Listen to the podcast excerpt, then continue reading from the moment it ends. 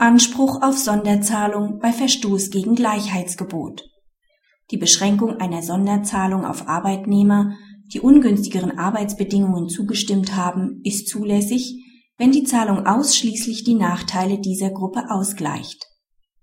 Der Arbeitgeber erstellt im Februar 2005 ein Standortsicherungskonzept, das eine unbezahlte Erhöhung der Arbeitszeit und einen Verzicht der Arbeitnehmer auf Entgelterhöhung für die nächsten zwei Jahre vorsieht.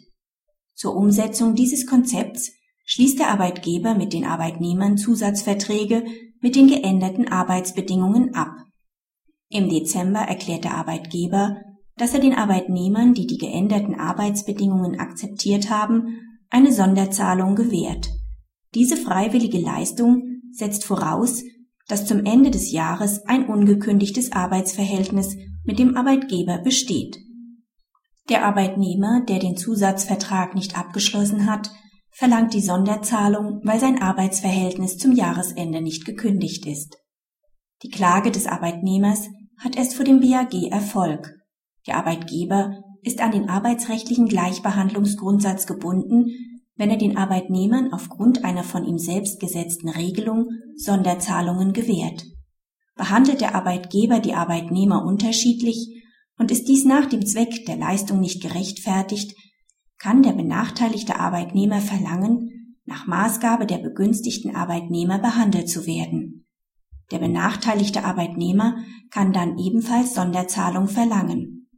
Zwar kann der Arbeitgeber bei Sonderzahlungen unterschiedliche Arbeitsbedingungen berücksichtigen und eine geringere Arbeitsvergütung einer Arbeitnehmergruppe durch eine Sonderzahlung teilweise oder vollständig kompensieren.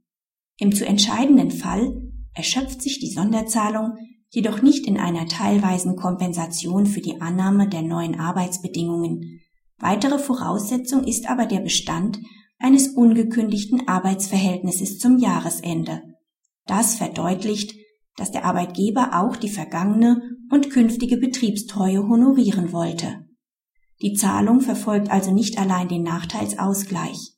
Die Verweigerung der Sonderzahlung an den Arbeitnehmer verstößt somit gegen das Gleichheitsgebot.